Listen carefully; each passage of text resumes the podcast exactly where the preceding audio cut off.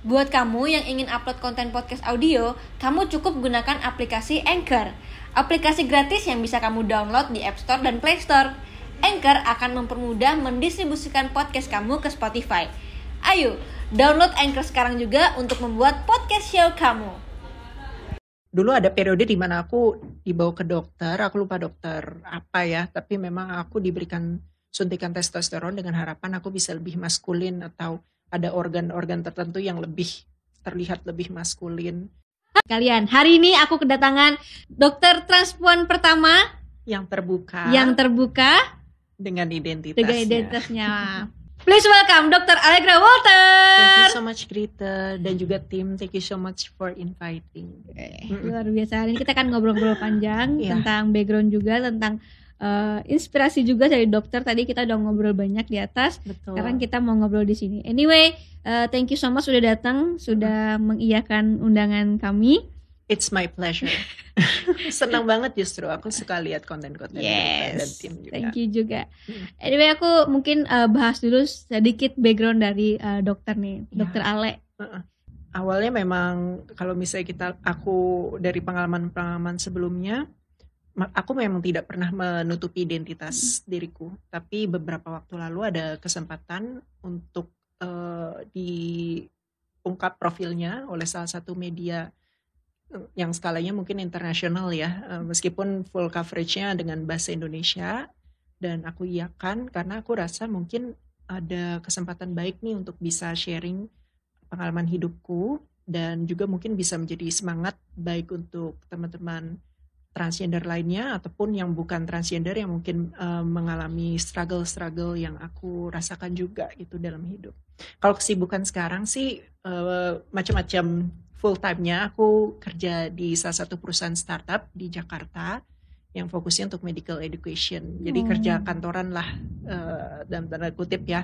But at the same time aku juga masih praktek, praktek part time di salah satu klinik layanan premier di Jakarta yang fokusnya lebih ke arah sexual health.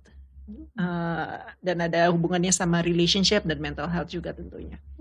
Selain itu juga aktivis untuk eh, kesehatan untuk minoritas gender terutamanya dan minoritas seksual dan isu-isu yang terkait di dalamnya di Indonesia ini. Luar biasa. Jadi kesibukannya udah banyak banget nih dokter ini ya. Sama Griti juga banyak role-nya. Tapi anyway, eh, tadi kan dokter bilang bahwa akhirnya mengiyakan salah satu media untuk mengangkat. Iya. Yang sebelumnya mungkin itu sesuatu yang berat banget untuk dokter. Mm-mm, mm-mm.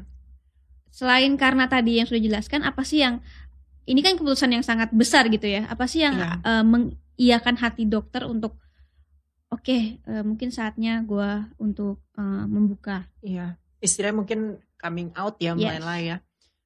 S- sebetulnya sih yang paling mendasar adalah ketika saya masih pendidikan kedokteran, it's very hard for me untuk melihat ada nggak sih dokter lain yang punya background seperti saya.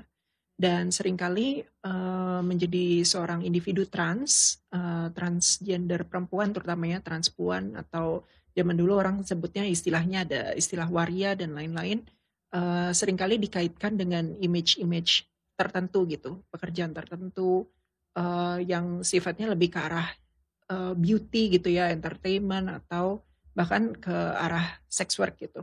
Meskipun kita juga tidak bisa menutup kemungkinan bahwa kadang eh, pekerjaan-pekerjaan itu terkotak-kotak ke arah eh, beauty dan lain-lainnya itu ya karena mungkin stigma dan diskriminasi. Padahal sebetulnya sama seperti individu yang bukan non transgender pasti punya cita-cita yang masing-masing, punya impian masing-masing eh, dan hobinya juga macam-macam mungkin ya nggak semuanya hobi eh, salon gitu contohnya ataupun makeup dan eh, dari pengalaman tersebut kayak waktu ke eh, pendidikan memang cukup berat ya karena memang nggak ada role model dan aku transisinya juga waktu aku koas kalau di kedokteran kan di Indonesia empat Iya. tahun tuh kuliah dua tahunnya koas Mm.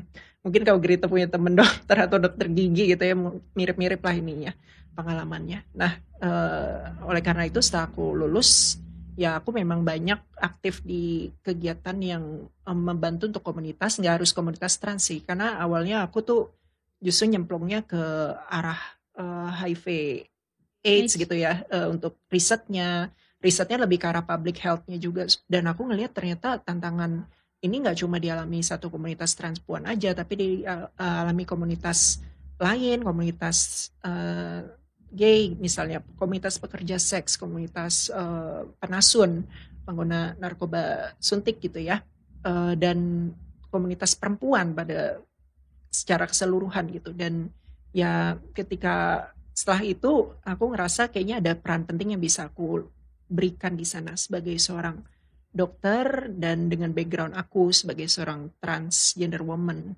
Dan ketika uh, salah satu media itu datang ya aku rasa ini it's a good time to share my story. Kalau aku pribadi memang sudah merasa berbeda sejak usia 3-4 tahun. Jadi dari kecil dari banget. TK lah ya. Belum TK bahkan. Oh belum TK Iya, ya? kayak Aku pre itu udah. TK soalnya.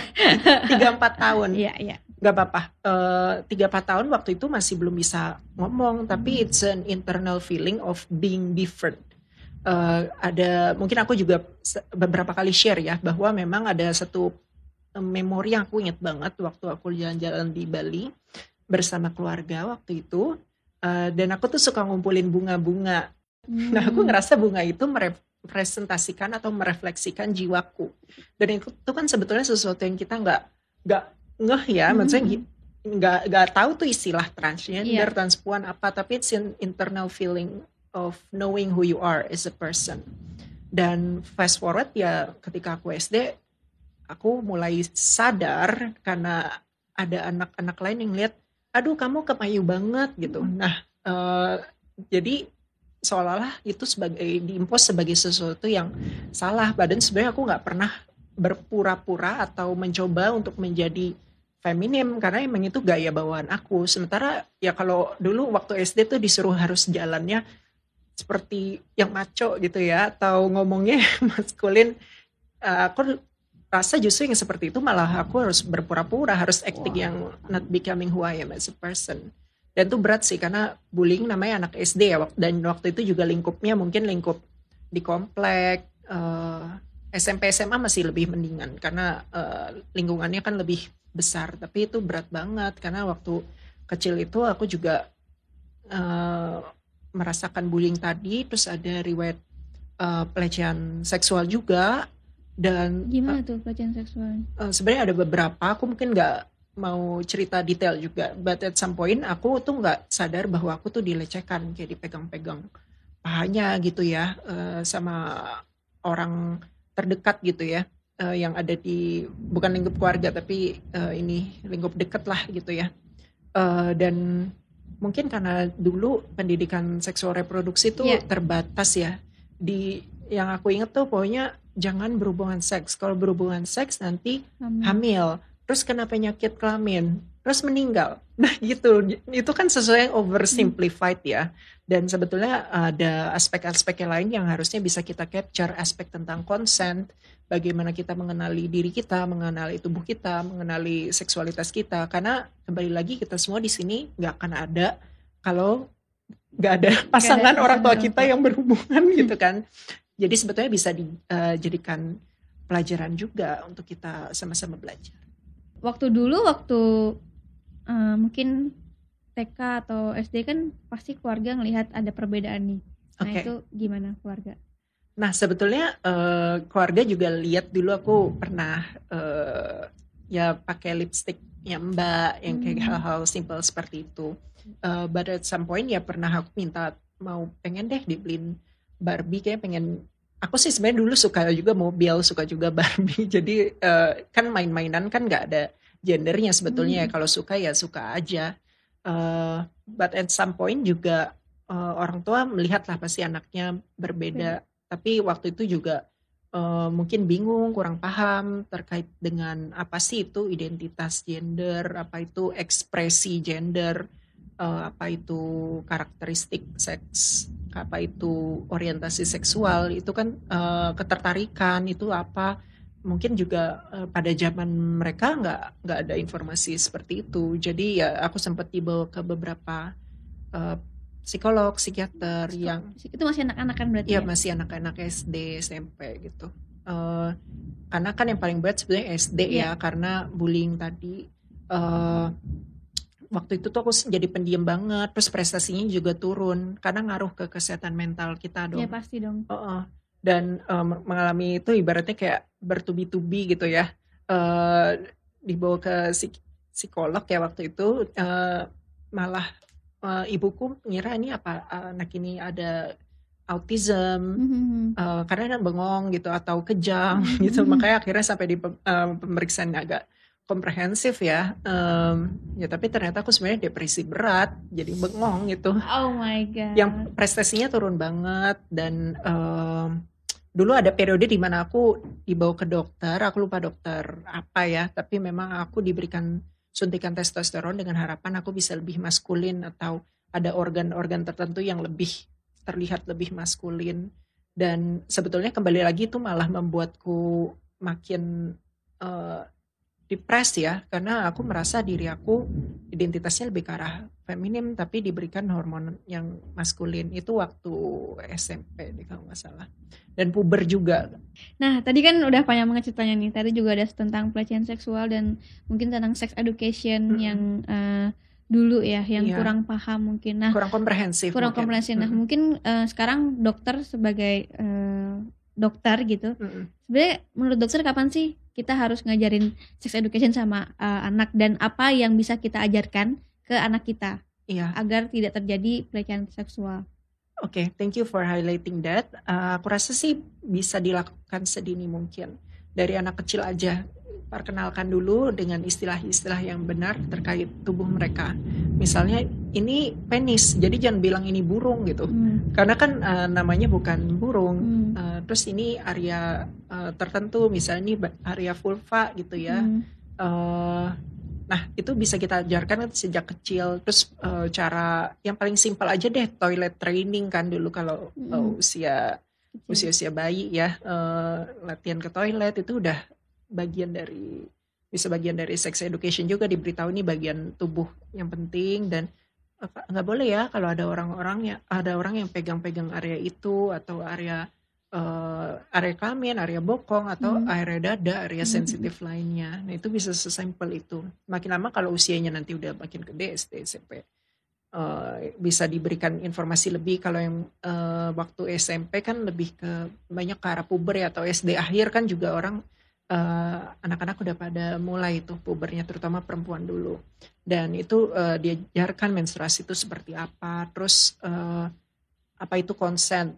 Misalnya ada anak cowok atau cewek yang pegang-pegang ya kalau dia nggak mau ya jangan eh, dipaksa. No means no itu sesuatu yang simpel kan. Terus selain itu perubahan pubertas ekspektasinya apa aja Eh, terus kalau SMA mungkin bisa lebih advance eh, bisa juga kalau mau komprehensif ya ada informasi tentang safe sex juga itu juga sesuatu yang penting ya. Dan eh, kembali lagi kalau orang mau berhubungan tuh tunggulah sampai siap. Karena siap semua aja pasti ada konsekuensinya Iya. ya. Eh, kembali lagi disesuaikan dengan value dan nilai masing-masing individu. Karena uh, kadang ada value-nya A, ada yang juga value-nya B, and it is okay. Yang paling penting kan kita memberikan informasi Iya. sebanyak mungkin. Nah, ada anggapan bahwa kalau kita mem- memberikan sex education itu uh, artinya mengajarkan berhubungan seks, padahal enggak. Justru lebih ke memberikan informasi yang komprehensif.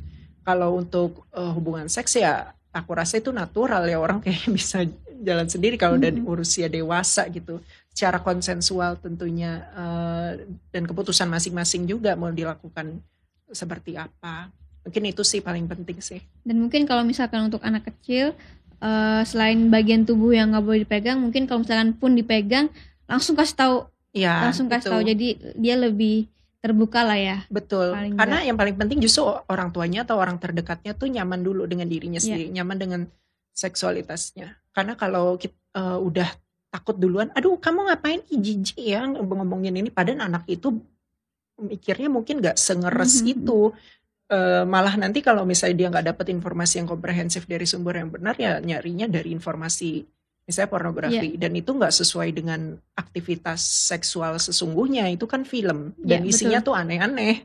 Ada yang eh, banyak kekerasannya juga dan dianggap bahwa oh kayaknya kalau ini orang sampai nangis-nangis tuh menikmati padahal enggak gitu. Oh, itu yang mungkin bisa di highlight juga Oke, mungkin kita balik ke eh, dokter nih. Iya eh transisi itu kan panjang banget dok. Aku tadi baca juga Mm-mm. eh, dokter adalah eh, orang yang luar biasa karena bisa melewati ini semua sampai detik ini. Thank you Grita juga.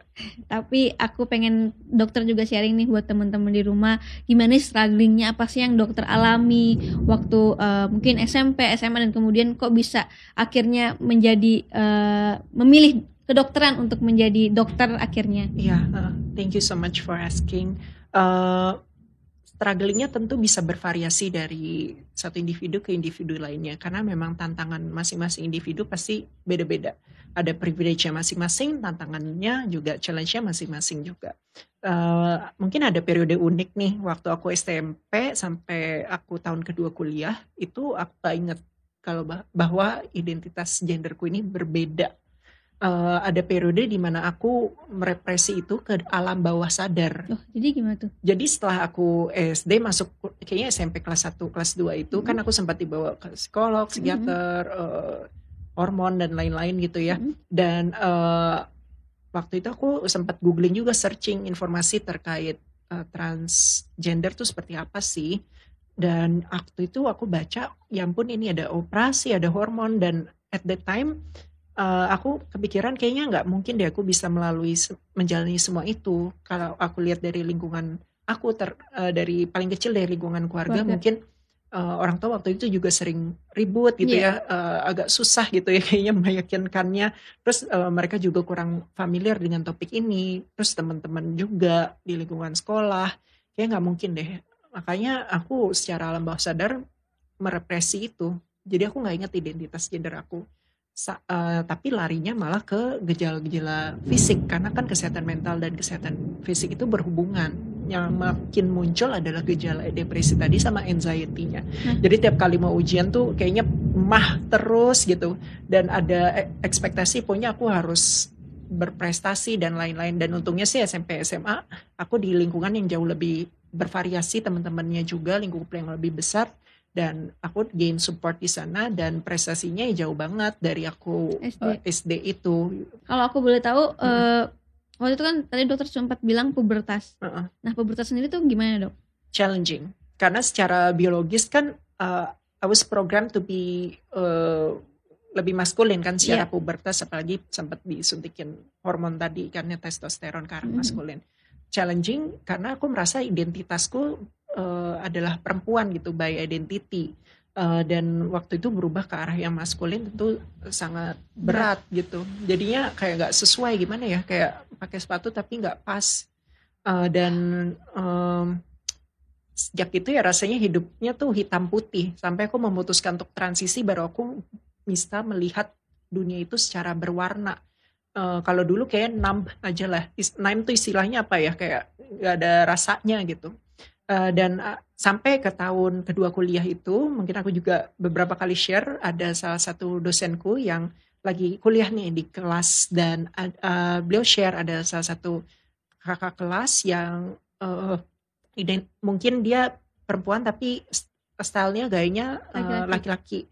dan itu kayak aha moment for me kayaknya aku bisa deh cerita ke beliau Oh, gitu Oke. dan eh, aku sangat bersyukur setelah cerita itu sebenarnya quite overwhelming ya Hmm. karena yang ada di alam bawah sadarku yang kayak fenomena gunung es gitu ya di bawah laut tuh naik ke atas semua dan eh, dari situ sih aku cari banyak informasi terkait apa itu transisi apa itu Hmm. transgender terutama dari segi health-nya ya segi kesehatannya tadi kalau mungkin aku mau nyambung juga awalnya masuk ke dokteran tuh kenapa? Sebetulnya aku ada di tiga pilihan waktu itu antara psikologi kedokteran atau fashion design. Fashion design sebetulnya karena aku mikir aku kayak suka aja seni gitu ya tapi kayaknya kurang kurang Hmm. nyambung juga kayak lebih relevan untuk yang psiko- eh, psikologi ataupun kedokteran. Dan eh, aku belajar bahwa ternyata untuk jadi psikiater itu kayaknya perlu degree-nya dari kedokteran bukan dari psikologi. Kalau psikiater iya. Iya, eh, dulu tuh aku terin, eh, terinspire-nya justru dari film-film thriller, psychological thrillers, bahwa di sana ada, ad- selalu ada karakter psikiater di sana, ya kan? Kalau di movie-movie seperti itu dan eh, mungkin karena aku memiliki banyak struggle terkait kesehatan mental aku growing up, jadi eh, I felt like this could be a right decision for me. Dan aku bisa juga uh, mempelajari secara manusia secara utuh Hmm. baik itu secara uh, fisiknya dan juga secara psikologis. Akhirnya aku memutuskan di sana. Dan transisinya ya setelah tahun kedua kuliah itu aku mulai menyadari cari banyak informasi. Sampai akhirnya kayak tahun 2014 ya aku mulai memutuskan untuk taking hormonal terapi. Dan at that time juga aku bingung uh, harus ke dokter siapa yang bisa open minded atau ngerti apa yang aku harus uh, lakukan apa yang akses yang tersedia buat aku. Dan ada juga beberapa ahli yang uh, advice udah kamu tunggu aja nanti sampai lulus kedokteran lulus kuliah gitu ya.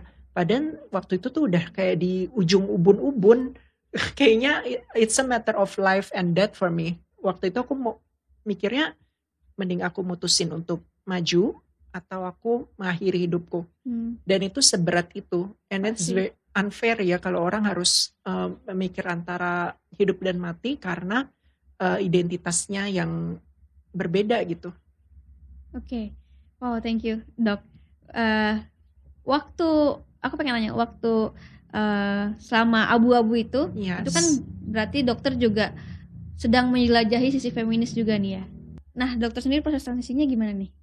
Uh, waktu itu udah rasanya udah diubun-ubun banget dan Hmm. kayak aku nggak bisa hidup berpura-pura gitu ya berperan sebagai laki-laki padahal aku merasa aku tidak bisa memenuhi peran itu dan uh, akhirnya aku taking starting taking hormonal therapy dan uh, dengan berbagai sumber informasi medis dengan guideline-guideline yang aku baca gitu ya Uh, dan uh, itu juga bukan sesuatu yang instan langsung wow langsung uh, rambutnya langsung panjang dan lain-lain itu semuanya belajar.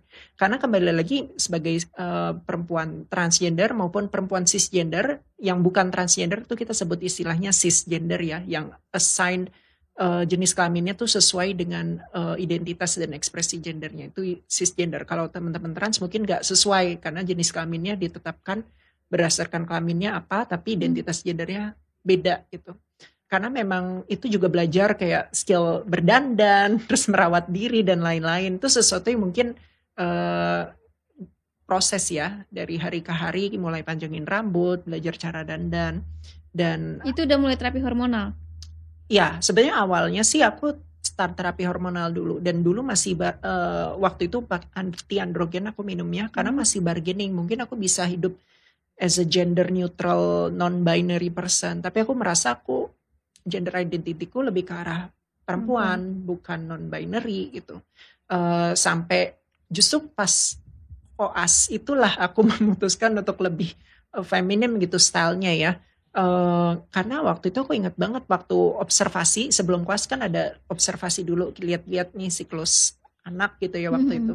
Ada anak yang bilang mama itu cowok atau cewek? Karena eh, at that point mungkin mungkin penampilan aku juga udah leb- lebih androgynous ya Iya.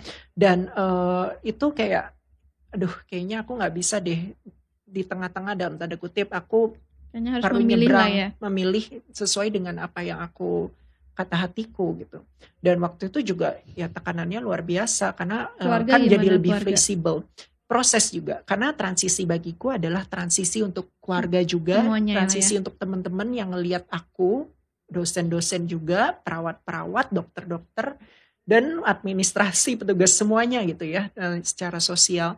Eh, tapi aku sangat bersyukur eh, aku bisa jalanin itu semua dengan eh, support juga. Meskipun juga ada yang eh, kurang open minded but it's still okay. But at the end of the day yang paling penting kan eh, Kitanya nyaman. kitanya nyaman dengan diri kita sendiri. Kalau aku nggak nyaman justru aku nggak bisa jadi aku sekarang nggak bisa melayani dengan optimal dengan eh, maksimal gitu memberikan pelayanan dan juga eh, pekerjaan lainnya Oke, kita, Mm. kalau tadi kita ngomongin administrasi, susah ya?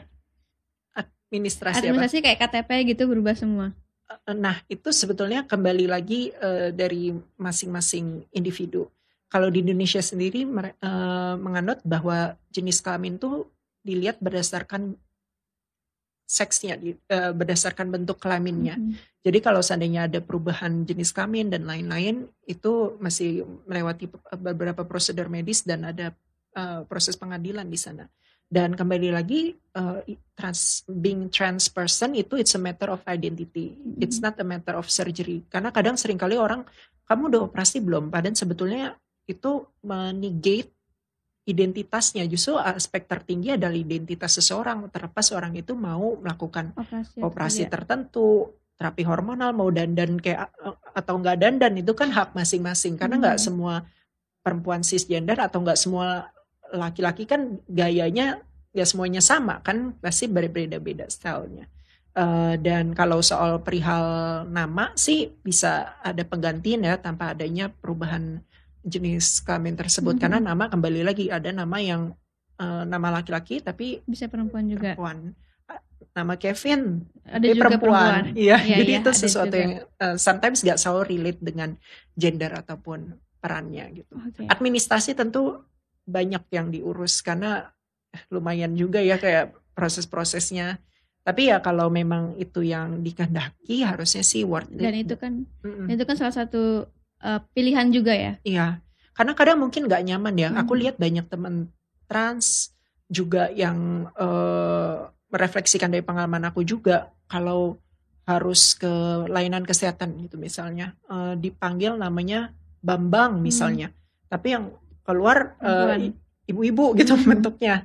Eh, sometimes itu membuat teman-teman trans nggak nyaman, makanya kadang takut berobat. Meskipun punya uang sekalipun, kadang mereka nggak mau ke layanan umum gitu ya, atau memilih layanan yang swasta. Kadang swasta juga belum tentu treatmentnya eh, baik gitu. Dari sesimpel administrasi tadi, nggak cuma itu aja sih, bisa juga kayak tiket pesawat lah atau apa. Eh, itu kan soalnya kita bicara soal gender tuh lebih terkait dengan Iya. peran sosial ya bagaimana kita merepresentasikan diri kita dan kadang kalau ada mismatch tersebut dan petugasnya kurang sensitif ya bisa aja ada yang mencemooh Tapi so far eh, kalau dokter lihat sendiri kan udah mungkin yang kayak tiket pesawat atau segala macam mereka sudah mulai open minded ya. Eh, sekarang sih aku lihat Kebanyakan. sebetulnya ya Mm. Mm, Lebih lebih better lah dari dulu lah ya. iya Eh, dulunya mungkin nggak jauh-jauh juga ya kan Iya. mungkin pengalaman beberapa tahun ini but at some point sih semakin kita raise lebih banyak awareness karena eh, tantangan hidup manusia tuh beda-beda ya. Kadang kalau kita melihat hanya dari kotak hitam putih aja kasihan teman-teman yang warnanya lain macam-macam itu. Eh, Dan dari dokternya juga mungkin karena sudah sudah berdamai juga sudah menerima jadi tingkat bisa lebih percaya diri. ya Nah, kadang kita mesti menatap orang tuh di matanya Iya. jangan kita ya eh, ngadep ke bawah Jadi, gitu kalau kita down. malu dia pasti akan gimana-gimana juga Iya, kan. Dan yang aku pelajari juga ya eh, dari pengalaman aku tuh lebih baik kita mengeluarkan kebaikan Ya. karena kebaikan itu nular. Demikian juga dengan kebencian sebetulnya. Ya. Makanya aku nggak pernah share informasi pengalaman yang terlalu dark gitu ya, Eh, karena aku berharap ke depannya gak harus orang lain tuh mengalami seperti yang aku rasakan because it's hard. And aku tahu juga mungkin teman-teman juga pasti ada tantangan hidup masing-masing sama seperti aku. Yang paling penting di sini kita mencoba untuk menjadi individu yang lebih baik lagi dan berjuang bersama-sama menjadi the best version of ourselves. Oke, tapi oke, thank you dok sebelumnya. Eh, kalau bicara soal support, pasti kan dokter juga nggak lepas dari support orang-orang Yes. yang luar biasa. Oh, oh. Dokter bisa sampai sekarang bisa akhirnya memutuskan juga itu nggak lepas dari support orang-orang terdekat. Ya. Nah itu gimana supportnya dok? Tentu dari orang tua selalu dukung meskipun eh, Itu berarti juga untuk orang tua. ya. karena transisi juga untuk mereka mereka juga ada denialnya Yes, sendiri, pasti. prosesnya sendiri. Eh, aku punya satu older brother juga Hmm. oke, tapi sebetulnya support yang aku ber- berasa banget tuh karena mungkin yang eh, memorable tuh waktu aku sekolah justru kan itu dari eh, teman-teman kolega beberapa dosen dan juga perawat-perawat gitu. Oke. Aku ingat banget tuh waktu itu eh, untuk mengakses kan ruang operasi ya ada Mhm. ganti di ruang perempuan gitu. Dan itu mereka yang defend hak aku untuk ganti di sana. Dan kita di sini perlu garis bawahi juga teman-teman trans ya kalau di ke toilet perempuan bukan untuk ngintipin orang lain. Demikian juga teman transmen ya yang kebalikan dari transpuan. Eh, itu tuh bener-bener eh, proses yang tahap bertahap. Aku mendapatkan support juga bertahap-bertahap dari yang tadinya dipanggil kak, uh, mulai dipanggil bu gitu ya. itu kayaknya setiap perempuan deh dari kak ke bu. uh, maksudnya dipanggil, aku nggak pernah dipanggil pak juga sih, mm-hmm. karena mungkin dulu mukanya muka kakak kali ya. Uh, tapi ya aku sangat bersyukur uh, proses itu bisa makin lama tuh ke arah gender yang aku rasa ini kayaknya peran yang sesuai Gak untuk sesuai. aku. Hmm. Uh, itu sih. Panjang ya perjalanan dan akhirnya sampai sekarang sudah berdamai dengan diri sendiri juga Betul. dan sudah memberikan inspirasi juga buat mungkin orang-orang yang uh, followers atau segala macamnya bagaimana bisa merubah hal yang mungkin dianggap orang negatif tapi kita bisa uh, memilih untuk bisa iya. berprestasi kayak dokter sekarang. Dan aku mungkin mau highlight juga sebenarnya tantangan untuk teman-teman trans itu lebih berat karena terlihat lebih visible mungkin. Lebih kelihatan. Gitu. Iya, karena kalau gender kan terkait peran. Yeah. Kalau orientasi seksual misalnya itu lebih terkait kita suka siapa dan kecuali pegangan tangan gitu orang nggak akan tahu atau visible gitu yeah. ya. Kalau gender tuh lebih Kelihatan. terlihat gitu. Penting tuh kita bisa respect dan saling menghargai oh, perbedaan pasti. satu sama lain. Karena uh, kasihan untuk teman-teman trans tuh apalagi untuk teman-teman transpuan selalu dikaitkan dengan penampilannya uh, harus cantik. Itu kan sama kayak ekspektasi yang ditetapkan pada perempuan pada umumnya perempuan cisgender gitu ya. Uh, padahal laki-laki kita nggak ada harus tetapkan nih harus ganteng yeah. gitu, nggak harus kayak Brad Pitt gitu misalnya. Tapi kan kita semua bukan Angelina Jolie gitu istilahnya ya. Um, and I think it's a very important issue to highlight bahwa kalau soal peranan gender itu kadang terlalu merestriksi kita. Perempuan bisa juga maju, perempuan bisa juga punya karir, laki-laki bisa juga punya perasaan, bisa juga jadi stay at home dad gitu ya.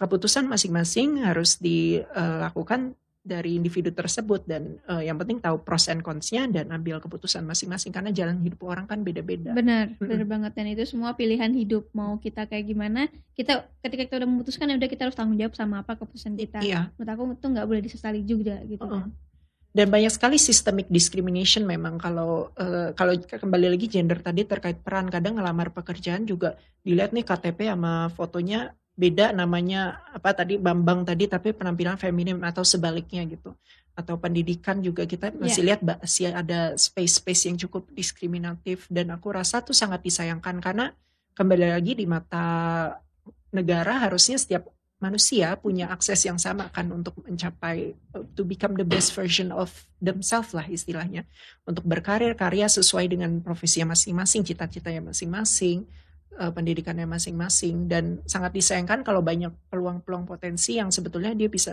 ber, memberikan banyak kontribusi gitu ya. Lebih hebat lagi tapi uh, dirundung karena tekanan sosial tadi. Sementara kita uh, ekspektasinya kalau ngelihat misalnya kayak aku nih open up mungkin uh, aku sangat bersyukur orang highlight pekerjaan aku, prestasi aku, pendidikan aku. But at point untuk mencapai tahap ini tuh tidak mudah dan aku yakin teman-teman lain, teman-teman trans lain ataupun non trans lain lah uh, karena masalah disabilitas, karena masalah sosial ekonomi uh, itu udah terbatas duluan kemampuannya untuk menjadi dalam tanda kutip label berprestasi tadi. Mm-hmm. Jadi besar harapan sih ke depannya in the future things will get better Dok, sebenarnya kenapa sih uh, ada orang-orang yang identitas itu berbeda kayak gini? Uh, sebenarnya kalau dari dunia kesehatan kita bisa lihat terutama terutama kesehatan mental ya dan sebetulnya kesehatan lainnya juga uh, it's part of this ada faktor biologis, psikologis dan juga faktor sosial. Kalau kita lihat sebenarnya sumber-sumber menyatakan bahwa ada faktor biologis yang cukup kuat berperan di sana. Terlepas ada bisa aja faktor genetik, ada faktor hormonal juga bisa di sana dan uh, bagaimana sel tubuh kita itu berinteraksi dan faktor psikologis tentu pengaruh dengan bagaimana gen itu diekspresikan. So it's all a whole a lot of things dan uh, kombinasi dari semua itu ya melahirkan variasi-variasi manusia gitu ya dari pola berpikirnya, kemudian juga kalau misalnya konteksnya soal gender dari identitas gendernya, ekspresi gendernya, orientasinya ataupun karakteristik uh, seksnya. Dan uh, kembali lagi juga kita perlu ingat bahwa manusia itu bervariasi. Semuanya itu ada dalam bentuk spektrum, terutama untuk seks, seksualitas. Demikian juga terkait dengan gender, karena uh, it's a whole spectrum dan gak bisa kadang kita put in boxes ini hitam, ini putih Padahal sebetulnya masih banyak individu lain yang mungkin nggak nggak merasa hitam putih tadi, bisa aja ada warna-warna lain. Uh, fokus sekarang adalah yang paling penting kita melihat bukan penyebabnya. Kalau dicari sampai kapan ini orang kenapa ya beda A, B, C, D, E dicek macam-macam gitu ya, nggak akan ketemu karena there is no single gene that can cause variation terhadap uh, identitas ekspresi gender ini. Uh, what's more important adalah bagaimana seorang individu ini bisa hidup sehat, hidup sehat secara fisik, hidup sehat secara mental. Wih, mantap. Mungkin aku mau pengen dokter sharing sama teman-teman yang mungkin lagi struggling, entah karena apa pun itu. Uh, aku rasa yang paling penting adalah stay true to yourself. Kalau kita nggak punya kita nggak pegang pegangan nama diri kita sendiri, kita nggak akan punya we, we don't have anyone else karena kembali lagi yang kita bawa ketika dalam tanda kutip kita nanti meninggal dari lahir sampai sekarang yang pasti kita bawa adalah diri kita sendiri. Um, tetap jadi diri sendiri and be patient and be smart. Karena menurutku kadang um, keputusan transisi atau keputusan mulailah coming out itu sesuatu yang tidak mudah karena banyak pertimbangan, pertimbangan keluarga nerima atau enggak, teman nerima atau enggak, pekerjaan gimana, pendidikan gimana. Kembali lagi mesti atur strategi kira-kira uh, apa yang kamu bisa lakukan untuk memaksimalkan kondisi yang kamu ada tempat kamu ada nih kondisi yang sekarang tuh apa maksimalin dari situ. Kalau uh, yang paling penting sih cari support system. Mau itu nggak harus dari keluarga nggak harus dari orang tua. Kalau nggak dapat dari lingkup terkecil bisa diperluas ke lingkup yeah. pertemanan. Karena kita lihat juga uh, sering kali orang yang berbeda nggak cuma karena orientasi uh, seksual ataupun identitas ekspresi gender ataupun orang-orang intersex ya karena karakteristik seksnya berbeda apa pun itu perbedaan itu uh, justru mereka ada lebih risiko untuk um, having mental health problems karena merasa berbeda tadi karena tekanan sosial. Jangan sampai kita ke arah yang enggak sehat gitu ya. Uh, paling penting sih kita support mentality kita bangun uh, semangat. Dan aku tahu ini nggak mudah semuanya itu proses ya. And at some point sih yang aku selalu percaya ya dari dulu sampai sekarang selalu ada harapan di ke depan oke dok. Ada beberapa pertanyaan dari aku. Oke. Okay. uh, eh, sempat mau berubah nama nggak? Uh, iya. Uh, sebetulnya my birth name is Walter. Walter. Dan uh, waktu itu aku sebenarnya pas uh, milih nama juga bingung-bingung kira-kira apa ya yang pas buat aku. Dan aku ketemu satu kata ini Allegra. It means joyful. Jadi oh, aku tambahin Allegra itu. Walter. Uh, Italian kayak tapi kayaknya itu satu rumpun bahasa mungkin ya di Eropa hmm. jadi bisa di beberapa negara Spain juga hmm. uh, so it means the joyful version of me dan aku rasa itu sangat uh, pas sih dengan apa yang aku mau representasikan bahwa aku tetap orang yang sama individu yang sama genderku, identitas genderku ya tetap sama mau sebelum aku transisi ataupun setelah transisi. Tapi I'm much more happier right now. Jadi pengen juga dikenal sebagai oh ini Ale yang baru nih bukan Ale yang dikenal dulu. Iya. Kalau uh, aku rasa sih setiap orang pasti ada perubahannya yeah. dalam hidupnya ya. Tapi aku merasa bahwa uh, it's much more important to highlight me as Allegra karena aku adalah versi yang lebih happy dari aku yang sebelumnya. Terakhir deh, apa sih yang dokter mau highlight nih dari perubahan dokter? Kan mungkin uh, gak mudah juga untuk akhirnya speak up di media dan segala macam. Aku yakin banget ini sesuatu yang prosesnya panjang dan gak mudah gitu. Mm -hmm. Dokter tuh mau highlight, mau highlightnya apa sih? Um, the most important thing adalah harapan mungkin ya bahwa setiap orang punya cita-citanya masing-masing, punya mimpinya masing-masing dan terlepas dengan latar belakang sosiodemografi apa pun, you deserve to have a fair chance untuk bisa meraih mimpi tersebut. Mau kamu identitas gendernya berbeda, ekspresi gendernya seperti apa, orientasi apa, agama apa, bentuk badan seperti apa, ras apa, suku apa, faktor disabilitas seperti ada disabilitas atau enggak, uh, faktor sosioekonomi seperti apa, um, semua orang harusnya memiliki hak yang sama untuk bisa maju-maju maju bareng gitu ya, yeah, yeah. Uh, and be yourself tanpa harus menutupi uh, who you are as a person. Dan aku yakin yang di sini mungkin aku mau highlight tuh lebih ke arah cinta kasih. Bagaimana kita mau menghargai satu sama lain and be the best version of ourselves. Oke, tentang dulu. Oke, uh, dokter thank you sudah mampir dan sudah sharing juga, sudah memberikan inspirasi di mana kita mungkin struggling orang beda-beda ya. Setiap orang uh, hidupnya masing-masing dan juga punya punya kesusahannya masing-masing juga. Tapi yang mau dilihat di sini adalah bagaimana kita bisa bangkit dan juga Yes. mengarahkan itu ke arah yang lebih positif. Betul. Nah. be the best version of Yes, ourselves. betul banget. Dan, dan mungkin buat teman-teman di rumah yang masih sering komentar negatif, dikurangin-kurangin karena kita nggak pernah tahu apa yang eh Orang lain hatinya itu. orang lain, hati orang lain juga. Thank you banget dok. Dan Thank you. eh, semoga sukses selalu, tetap menjadi berkat buat banyak Rita orang. juga. Thank dan you. tim. Thank you. Thank you. Thank you teman-teman. Sampai ketemu di video berikutnya. Bye bye. Nonton sampai habis ya. Makasih ya. Jangan lupa follow Instagram aku di sini dan nonton video lainnya di sini.